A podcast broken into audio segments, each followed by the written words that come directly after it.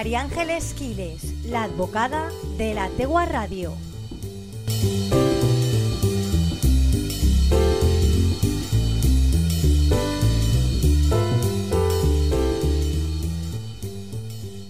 Hola Elia, buenas tardes a ti y a todos los que nos escucháis. Es viernes, toca hablar de derecho y bueno, eh, estando siempre atentos a la actualidad judicial, os voy a comentar una reciente sentencia de la Audiencia Provincial de Granada que viene a despejar pues, una de las preguntas que, en muchas ocasiones nos llegan a los despachos. Y es que esta, la Audiencia Provincial de Granada ha obligado a unos padres separados a contribuir proporcionalmente a los gastos del colegio privado de sus hijos.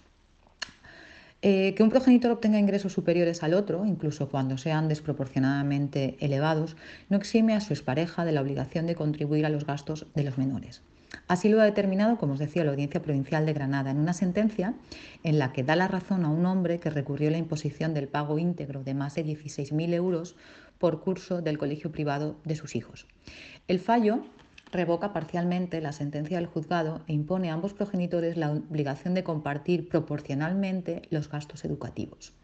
Los jueces consideran más justo, teniendo en cuenta los ingresos de uno y de otro, y que están en régimen de custodia compartida, que el padre sufrague el 80% del coste, mientras que la madre se haga cargo del restante 20%. De esta forma, el hombre pagará unos 12.800 euros de la factura educativa, mientras que la madre aportará 3.200 euros por sus hijos. Esta distinción de porcentaje se aplica únicamente en el pago del colegio. El resto de los gastos de los niños corren al 50%. Los magistrados consideran que si bien puede presumirse unos altos ingresos del padre por un viaje al Mar Rojo, también puede suponerse solvencia a la madre por la compra de un Range Rover. Eh, tras la separación. Entonces, aquí lo que viene a decir es precisamente eso, que si han tenido posibilidad de hacer ese tipo de viajes o ese tipo de compras, pues pueden perfectamente asumir ambos en función de sus porcentajes de participación los gastos de los niños. Además, tienen en cuenta que la mujer es socia una empresa inmobiliaria con unas nóminas mensuales de 2.300 euros. Por este motivo, los magistrados señalan que, aun presumiendo que el ex marido cobre más, no significa que la madre de los niños deba desatenderse de los gastos educativos de los menores.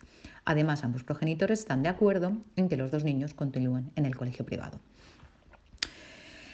Eh, esta valoración pues hace, bueno, el abogado de la madre hace una valoración positiva de la sentencia, afirmando que lo que se consigue es anteponer el interés del menor, dado que la madre no podía hacerse cargo del 50%, a lo que se obliga es a pagar solamente el 20% para que los niños puedan seguir manteniendo ese nivel de vida que tenían antes de la separación de los padres. Os explico un poco. Bueno, lo normal es que los gastos extraordinarios corran a cargo de los progenitores al 50%, salvo en algunos casos concretos en los que bueno, haya una desproporción entre los ingresos de unos y de otros, pero tendría que venir fijado expresamente en el convenio. Lo normal es el gasto al 50%.